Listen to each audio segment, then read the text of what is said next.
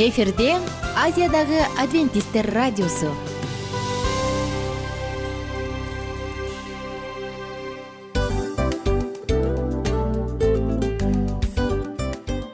Достор салют. Баардык сүйүктүү угармандарыбызга салам айтабыз. Кутман күнүңүздөр менен. Ден соолук өмүрдүн булагы демекчи саламат саамы программасында баарыңыздарды көргөнүбүзгө абдан кубанычтабыз. Анда алгач амандашып өтөлү арбаңыздар деп. Ден соолугуңуздар кандай элибизде көбүнчө ден соолук кандай дегенде эле жакшы деп жооп беребиз э? ооруп турсак дагы жакшы дейбиз. Анан мен муну айтып ойлойт элем бул абдан сонун сөз депчи анткени бул жакшы деген үмүт да э ооба. баары жакшы болот. Баары сонун. Деп үмүттөнүп атып эле өзүбүздү өзүбүз дарылап коебуз. Анысы кандай? Сиздин дагы ден соолугуңуз жакшы беш деген үмүттөбүз чындыгында ден соолук бул өмүрдүн булагы деп бекеринен айтылган эмес деп ойлойм. Кыргыз элинде анткени эгерде ден соолук жок болсо анда адамдын жашоосунда калган баардык керектүү маңыздуу нерселер өзүнүн баалуулугун жоготуп коет. Ошондуктан ден соолук бул эң керектүү нерсе. Ооба туура айтасың кесиптешим. Чынында ден соолугуң жок бир эки үч күн ооруп калсаң эле э кандай болуп калат? Жашоодо көз каранды болуп каласың көп нерсеге жетишпей каласың көп нерсени кыла албай каласың жада калса эшикке дүкөнгө да чыга албай каласың. Туптуура анан ден соолук болсо демек биз биздин бактыбыз тоодой деп койсок болот. Анда достор саламат саамы рубрикабызды баштайлы. Алдыда өзүңүзгө керектүү болгон сонун кеңештерди уга аласыздар. Мына ошондуктан биз менен бирге болуңуздар. Ал эми биз болсо милан жана айнура. Кеттик алга. Алга саламат саама ден соолуктун жарчысы. Саламат саама ден соолуктун ачкычы. Күн сайын сиз үчүн мыкты кеңештер сонун жаңылыктар кызыктуу фактылар биздин рубрикада.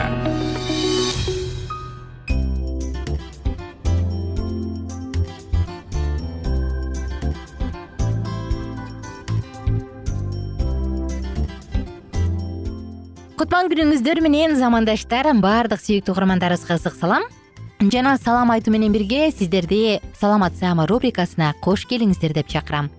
Достор бүгүнкү уктурууда дарыгерлер менен болгон маекте сонун маалыматтар айтылат. Жана мен ишенем бул маалыматтар сиздин жашооңузда чоң жардам тийгизет деп.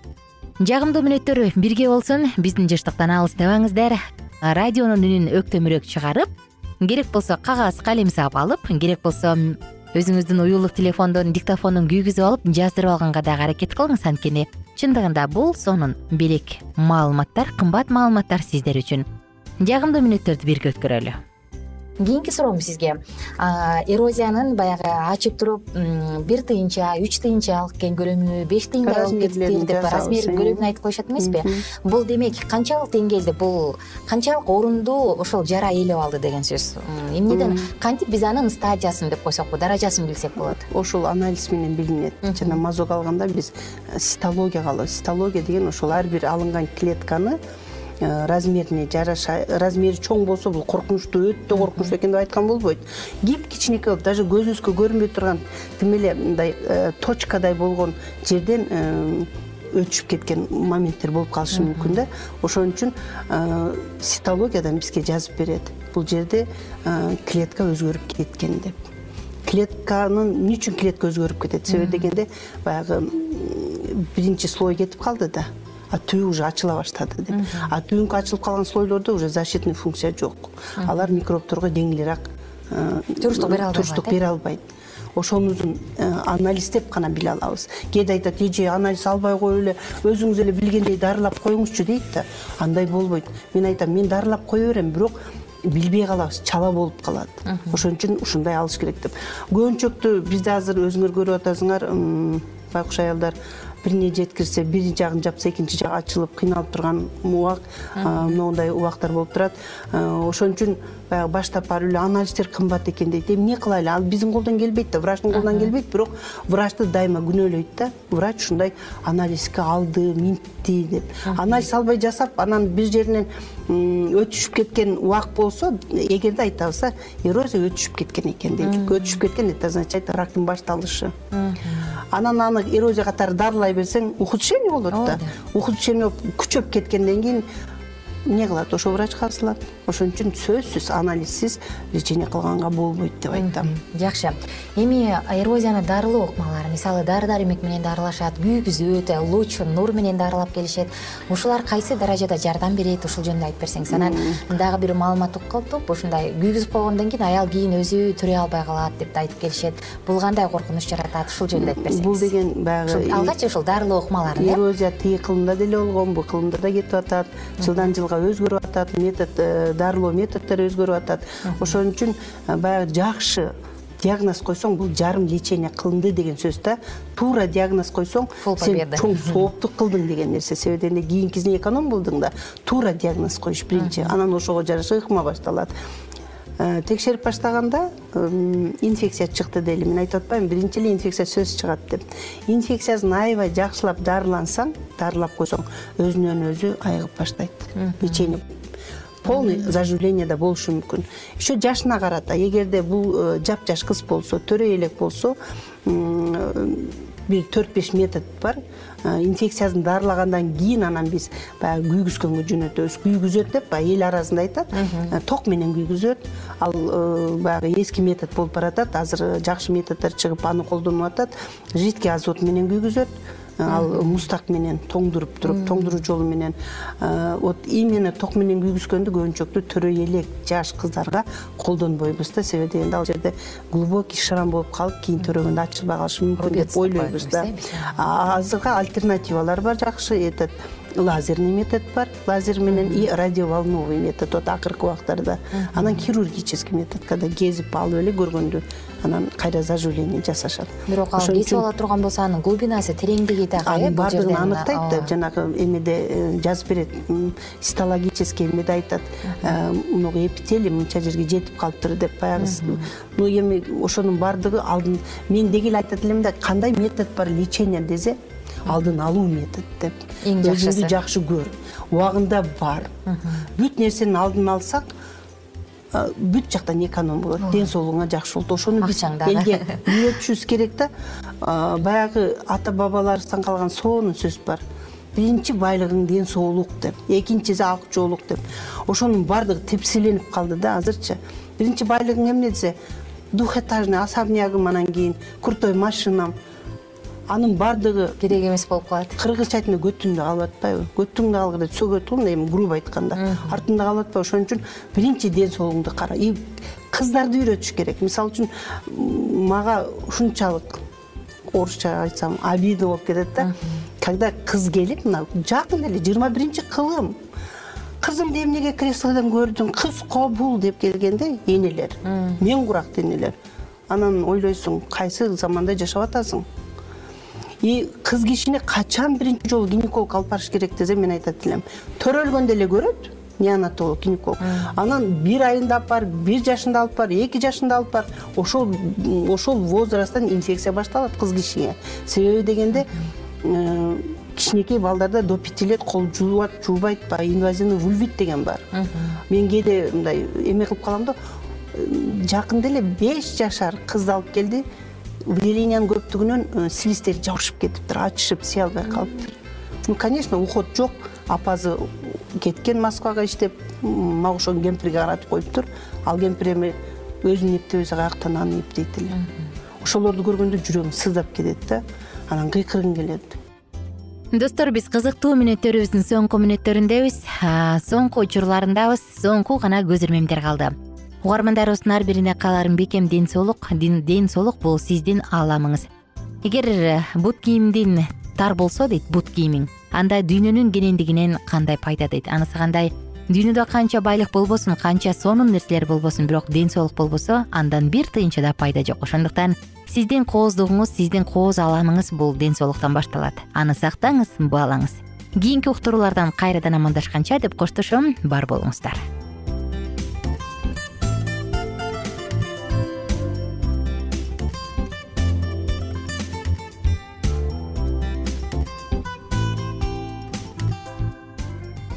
кененирээк маалыматтар үчүн үч w чекит саламат чекит клуб сайтына келип таанышыңыздар. Жана андан тышкары социалдык тармактарда youtube facebook жана instagram баракчаларына катталыңыз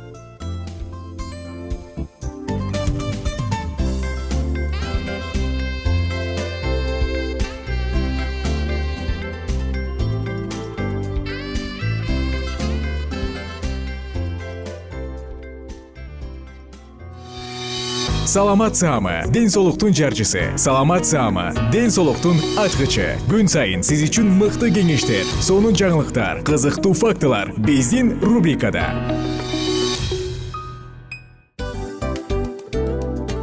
Салам достор. Кайрадан биздин сүйүктүү рубрикабызга кош келиңиздер деп айтмакчыбыз. Баардык замандаштарыбызга арбаңыздар деп саламыбызды айтабыз. Улуу ушундай бир урматтаган учурашуу менен анан дил маек радио баракчабызга чакырабыз. Негизи дил маек биздин рубрикабызда эмне жөнүндө кеп кылабыз? Бул дил маектин мааниси эмнеде? Рубрикабыз менен кичине тааныштырып кетсеңиз. Сөзсүз түрдө тааныштыра кетейин кесиптешим суранычы боюнча бул учурда бул радио баракчада биз ар тарап кесип ээлеринен сонун кеңештерди алабыз сүйлөшөбүз сырдашабыз аталарыбыздын эжелерибиздин апаларыбыздын кеңештерин угабыз айтор жан дүйнөгө адамдын э, сапатына адамдын деги эле адам болуп жашашына керектүү баардык кеңештер алдыда. Негизи э, дил маек дегенде баягы эки адамдын ортосундагы сырдашуу кенен сүйлөшүү. Негизи эле биз адамдар бири бирибиз менен бир жерге жай жерге отуруп алып өзүнчө тынч э, жашоо жөнүндө өмүрүбүздө эмне болуп атканын бөлүшкөнү жакшы көрөбүз э адамдар. Ооба туура айтасың анан мындай учурга кээде убакыт да жетпей келет э. Же болбосо сырыңды кайгыңды муңуңду кубанычыңды айткың келет адамга ишенбешиң мүмкүн. Ооба. Бул радио баракча угармандарыбыздын чыныгы досу. Анткени бизден алган кеңеш сиздин жашооңузга чоң жардам берет. Ал эми сиздин бизге айта турган сөзүңүз ортодо гана сыр бойдон калат. Ошондуктан биздин дил маек рубрикабызга дагы бир жолу кош келиңиздер. Жана биз даярдаган маалыматтарга даяр болуңуздар. Айнура жана милан сиздер менен бирге алдыга кеттик ар түрдүү ардактуу кесип ээлеринен алтын сөздөр жүрөк ачышкан сыр чачышкан сонун маек. Дил маек рубрикасында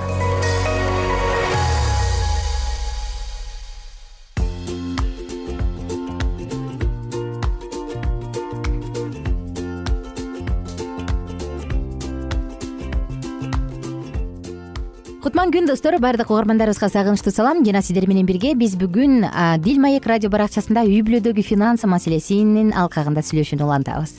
Саламатсыздарбы урматтуу угарман. Кайрадан эле биз сиздер менен э, дил маек уктуруусунда жогоруда кесиптешим айткандай эле э, үй бүлөдөгү финансы маселеси жаатында сөз кылмакчыбыз. Тактап айтканда бүгүнкү программабызда кандай каталарды кетиребиз? Ушул туурасында сөз кылабыз акча жарай жаатында э, биз кетирген каталардын бирден бири бул мындай экен. Биз баягы запас кара күнгө акча калтырбаганыбыз экен. Эми кара күн деп айтылып калган э эл оозундачы ооба. Эми бул кара деле күн эмес же атай бир кокустуктар үчүн акчанын калтырылбаганы экен. Мисалы жөнөкөй түрдө. Мүмкүн сиздин унааңыз бузулуп калат мүмкүн үй бүлөдө бирөө ооруп калат. Мүмкүн ким билет эми кандай болот? Кризис дайыма келе берет. Бул учурда сиздин артыңызда бир тыйын жок болсо анан сиздин болгон акчаңызды коротуп кое турган болсоңуз форс мажор болот дагы мындай учурда кредит алыш керек болуп калат э. Бул болсо кошумча чыгым. Экинчи ката биз бир нерсе алып жатканда бирөө менен сүйлөшүп жатканда бир жака орношуп жатканда келишимди окубагандыгыбыз дейт. Мисалы жөнөкөй эле мен аябай таң калам соода маселесинде. Ооба. Биз кийим саткан дүкөндөр возврату и обмену не подлежит деп жазып коет го. Биз ал жактан кийим сатып алганда а демек кайра кайтарып бергенге болбойт экен. Дейбиз дагы үйгө келип ал кийим кийилсе кийилбесе да үйдө калат да. Анткени возврату не подлежит деп жазылып турат деп. А эгерде биз сатуучунун окугун окуй турган болсок бир да дүкөн кандай гана дүкөн болбосун колуңда бар болсо же ошол жактан сатып алган далил бар болсо үч күн аралыгында сен алган кийимди кайтарып алганга милдеттүү. бар. Ооба милдеттүү. Биз муну билбегендиктен кандайдыр бир келишимди билбегендиктен ушинтебиз. Же болбосо жөнөкөй эле азыркы учурда бишкек шаарында гипермаркет супермаркеттер абдан көп э? Ооба. Ал жактан өтүп баратып бөтөлкөнү бир аз бутуң менен илип алсаң же сумкаң менен илип алсаң сынат дагы сен төлөп бересиң. Жок эгерде биз сатып алуучунун укугун окуй турган болсок бул жакта ортодо конкреттүү түрдө аралык сакталышы керек дүкөндөрдө. Эгер ошол аралык сакталса сен аны сумкаңды ары бери монтип силкилдетсең дагы эч качан илип ала албайсың. Демек бул дүкөндөрдүн законду мыйзамды бузгандыктан бизге ашыкча стресс пайда болуп атат ушул сыяктуу нерселерди билбегенибизден улам мен ойлойм бизде бул катачылык кетет экен депчи ашыкча чыгым. Үчүнчү кезекте сууну үйлөй беребиз дейт. Бул кандайча? Баягы эки миң алтынчы жылдарда көпчүлүгү акция акциянын негизинде иштешиптир мисалы парикмахер менеджерлердин баардыгы тең жөн эле акцияга акчасын сала берген дейт. Бирок мунун аягы жакшы нерсеге алып барган эмес бул кредитке кризиске алып келген дейт. Мындай акчаны жөн эле сууга үйлөп сууга агыза берүүнүн кереги жок дейт. Андан көрө ишенимдүү булакка сал өзүң үчүн сал дейт. Паника. Көп учурда кыйын учурларда баягы доллар өсүп атканда э сом түшүп атканда биз баарыбыз паникага калтырабыз эгерде мындай паника учурунда биз өзүбүздүн акчабызды сактап калгыбыз келсе дароо эле барат экенбиз да долларды алып алат экенбиз. Мындай учурда кээде доллардын баасы тез төмөндөп түшүп кетиши мүмкүн деген рискти коркунучтарды эске алышыбыз зарыл дейт.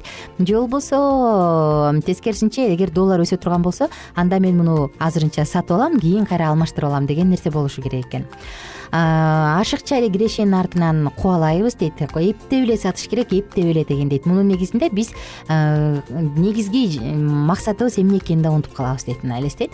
Ушундай бир каталарды баса билгилештир ооба чындап эле э, бул ойго да мен толук кошулам жана адистердин берген кеңештери мындай ушундай маалыматтарга көбүрөөк ээ боло турган болсок анда мындай каталарга балким биз жол бербейбиз. Э, анан кээ бир учурда мындай болуп калат да мисалы үй бүлөдө э, мисалы ашыкча эле бир мисалы кереги жок буюмду деле кээ бир үй бүлөлөрдө мисалы ала беришет да мисалы үчүн. Ал сен үчүн балким бир бир эки күн колдоносуң андан кийин балким кереги жок. Аябай мындай олуттуу түрдө керек болбосо деле алып алып анан ошого мындай ашыкча чыгым э, болушат да кээ бир учурдачы. Мисалы мен өзүмдүн үй бүлөмдө деле ушундай нерселер көп болду. Э, мисалы кандайдыр бир э, көбүрөөк суммада каражат болгондо мен дайыма айтам да бул балким бизге керек эмес керек эмес азырынча алганга. Десем кээде баягы балким келинчегим же мүмкүн биздин апабыз биз менен жашагандыктан жок биз алабыз деп туруп алат а бир нече убакыт өткөндөн кийин анын кереги эле жок мындай нерсе колдонулбайт э жөн эле калат да. Анан сенин айтканың чын экен деп калышат кээдечи ошол сыяктуу мындай үй бүлөдө деле мисалы ошол колдонуп аткан буюм чын эле керекпи ошол деп дагы ой жүгүртүп анан эртеңки күнү мисалы ошол жанагындай карыз сурап же болбосо кредит алып калбаш үчүн менимче ушундай буюмдарды ар кандай эмеректерди алууда дагы мындай айымдарда кийим кечек э өзгөчө бир алсыз жагы кийим кечектер э кийимге көбүрөөк ооба. Туура айта кеттиң абдан сонун чын эле ушул шопоголиктиктен же болбосо ашыкча акча кароотуудан кантип арылыш керек деген да мен дагы бир китеп окуп ошондо айтат да барганда дейт ошол сенин көзүңө көрүнгөн буюм менен сүйлөш дейт да. Сен мага керексиңби? Канчалык деңгээлде депчи? Анан сен өзүңдүн капчыгыңа жазып ал дейт менден акча чыгарба деп дейт да.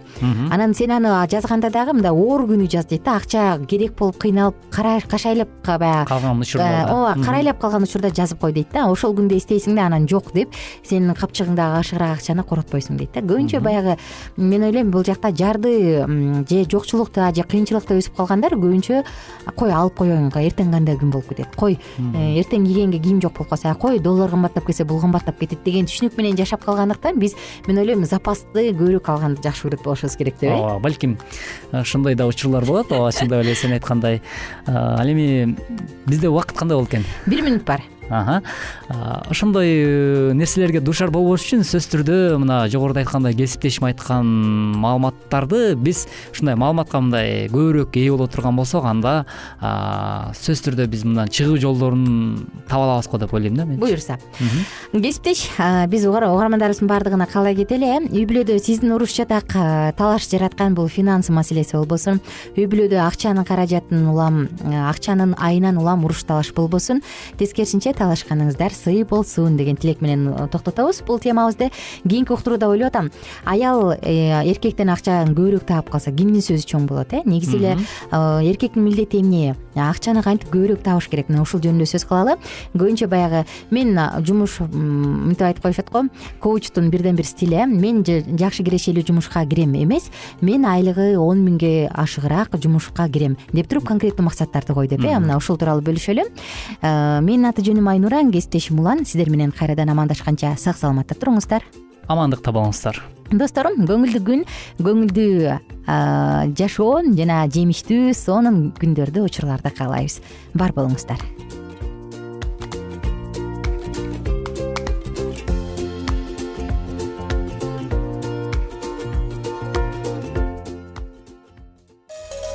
ар түрдүү ардактуу кесип ээлеринен алтын сөздөр жүрөк ачышкан сыр чачышкан сонун маек дил маек рубрикасында.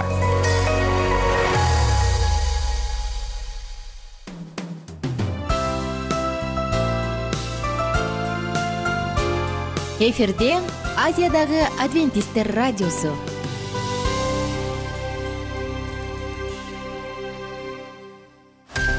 Жан дүйнөңдү байыткан жүрөгүңдү азыктанткан жашооңо маңыз тартуулаган жан азык рубрикасы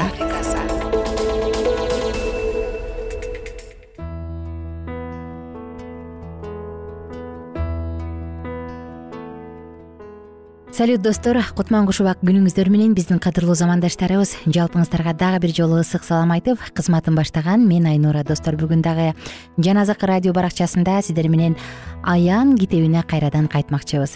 Тагыраак айтканда достор биз бүгүн он үчүнчү чыгарылышты дагы ушул сонун теманын негизинде сөз кылып атабыз жана темабыз аян китеби диний ишенимдердин жана секталардын жалганын ачыкка чыгарат. Сиздер менен бирге биз да болсо кайрадан үмүттүн кабарына кезек берип үмүттүн кабарынан кабардар болобуз. Мына ошондуктан биз менен бирге болуңуздар. Жагымдуу тема жагымдуу учур жагымдуу маалыматтардын баардыгы сиздер үчүн. Мурунку уктурууда биз сектада бирөө өзүн лидер кылып аны өзүн машаяк катары эсептеп алат деп айтканбыз э. Жана эгерде биз өзүбүздүн аң сезими куткарылуу маселесин баардыгын тең бир гана лидерге табыштап ушул бул билет анын айтканын кылам ал туура айтат деп ишенип койсок демек аң сезимди ага тапшырган болобуз. Анын ордуна биз ар бирибиз ыйык жазууга таянып ыйык жазуунун негизинде гана ишенишибиз керектигин айтканбыз. Бүгүн достор эми андан ары темабызды уланталы биз достор диний лидерге берилип аны кудайдын ордуна койгон сайын коркунучтуу жолго түшөбүз. Бул эми талашсыз деле эмес болуш керек э жогоруда айтылгандай аягы жаман нерсеге алып барышы мүмкүн ыйса машаякты алмаштыруу мүмкүн эмес. Болгону жалганчылар бар. Маршал эплвайт давид кореш машаякты алмаштыра алышкан жок. Алар жалганчы болушкан. Анткени библия мындай дейт. Элчилердин иштери төртүнчү бап он экинчи аят. Анткени асман астында бизди адамдарды куткара ала турган башка ысым жок. Бир гана месих бар. Ал ыйса машаяк башкасы жок. Ыйса кереметтүү жол менен төрөлгөн ал ыйык рухтан бойго бүткөн. Ал тилалчаак уул болуп тарбияланган. Назареттеги жыгач устаканада өскөн. Ыйса нанды сындырып беш миң адамды тойгузган. Ыйса сокурларга колун тийгизгенде тигилердин көздөрү көрүп калган. Ал дүлөйлөрдүн колубагына дагы колун тийгизгенде угуп калышкан. Ал лазарды өлгөндөрдөн тирилткен бул дүйнө үчүн бир гана жалгыз машаяк месих. Бир гана ал биздин табынуубузга татыктуу. Өлгөндөрдөн аялдарды жана эркектерди тирилткен бир гана месих бар. Ал ыйса машаяк. Голгофага барган бирөө гана бар. Колдорун тешкен бирөө гана бар. Башына текенек таажы кийгизген бирөө гана бар. Бетинен кан шоргулуп аккан бирөө гана бар. Биз ыйса машаякка келебиз. Ар бир диний лидердин тапшырмасы баардыгын эркектерди да аялдарды да ыйсага алып келүүдө. Бул жолугушуулардын максаты ыйса машаяк менен дагы жакыныраак баарлашууга жетүү жана анын сөздөрүн тереңирээк түшүнүү. Биз диний ишенимге туш келип калганыбызды кантип түшүнсөк болот? Биринчиден диний ишенимде өзүн мессиямын деп атаган бирөө болот. Экинчиден диндер кудайдын сөзүн адамдык окутуу менен алмаштырышат. Караңызчы кудайдын сөзүн адамдык окутуу менен алмаштырса демек бул секта. Лидер үйрөткөн нерселерди библияны да ашып өткөн абсолюттуу чындык деп эсептешет. Лидердин сөзү ыйык жазууну алмаштырып коет. Мисалы бир диндин лидери джим джонс библияны карабай эле коюш керек. Аны угуу жетиштүү деп айтчу. Достор бул таптаза гана жалгандык диний лидердин сөзү анын артынан ээрчигендер үчүн абсолюттуу чындык туюлган кезде аларды алдап жатышкан болот.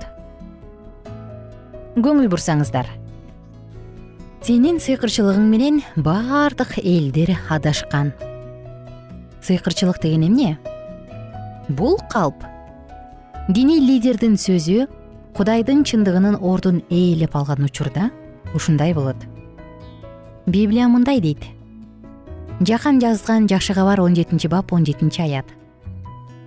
Аларды өзүңдүн чындыгың аркылуу ыйыкта. Сенин сөзүң чындык. Кудайдын сөзү чындык экенине көңүл бурсаңыздар. Чындай бул менин оюмбу же сиздикиби жок. Библия чындык бул кудайдын сөзү деп айтат. Маршал эплвайт хейланын кометасы акыр заман тууралуу айтат деп үйрөткөн. Адам библиядан жүзүн бурган сайын алданып калууга жол берет. Ыйса келгенде биз алданып калбайбыз деп библия ачык эле айтат. Баардыгы даана жазылган. Окуп көрсөңүз.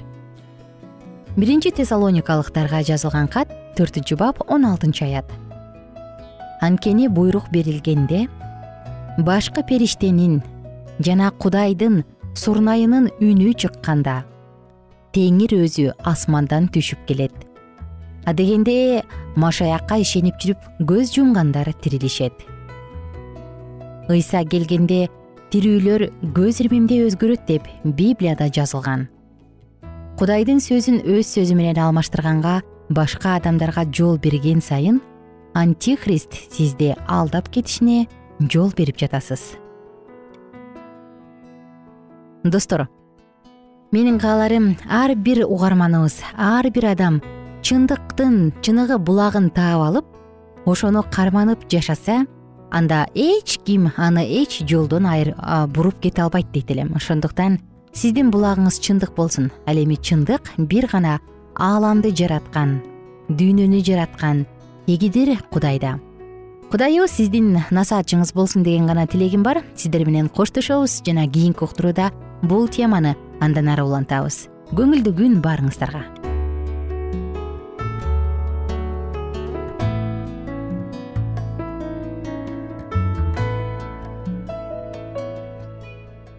Эгер сиздерде суроолор болсо же көбүрөөк маалымат билем десеңиз анда биздин whatsapp номерибизге жазыңыз.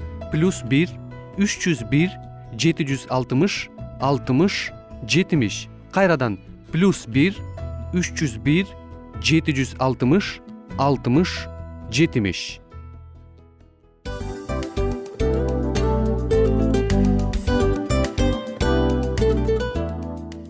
Мына ушинтип убакыт дагы тез өтүп кетет экен биз дагы радио уктуруубуздун аягына келип жеттик келип кубандырдыңар эми кетип кубандыргыла деп тамашалап калышат эмеспи анысы кандай? Радио баракчабызды программабызды азыр эле баштап аткандай болдук элек мына соңуна келдик э? Негизи убакыт э, билинбей өтүп кетет экен мен дагы э, убакыт дегенде бүгүн бир адам менен сүйлөшүп калдым. Анан убакыт бул мүмкүнчүлүк деп айтып өзүмө өзүм айтып алып анан мага өзүмө эле кайра ачылыш болду да чын эле. Э, карап отурсаң ошол эле жыйырма төрт саат ошол эле жарым саат кайталанып атат бирок сендеги мүмкүнчүлүк жок ошол кой берилип кетти? Анысы кандай? Бүгүнкү сонун убактыңызды алтындай болгон жарым саатыңызды бизге бөлүп арнаганыңыз үчүн ыраазычылык айтабыз. Анан жашооңуздун кайсы бир сферасын өзгөртө турган сонун пайдалуу кеңеш алган болсоңуз анда биз максатыбызга жеттик. Анан ушул нерсени кылбасам десеңиз ошол өзгөрүүлөрдү кичинекей кадамдардан баштап иш жүзүнө ашырыңыз дагы жашооңузда чоң чоң ийгиликтерге жетиңиздер чын жүрөктөн ар бир берилген кеңештер сөздөр сиздерге пайдасын алып келет деп ишенебиз. Жана кийинки уктурууларда сөзсүз түрдө чыдамсыздык менен сиздерди күтөбүз. Сагынычтуу салам айтып кайрадан дал ушул жыштыктан баардыгыңыздарды тосуп алганча кызматта мен айнура жана кесиптешим милан. Анда кол булгалайбыз. Жалпыңыздарга ийгиликтүү күн. Саламатта калыңыздар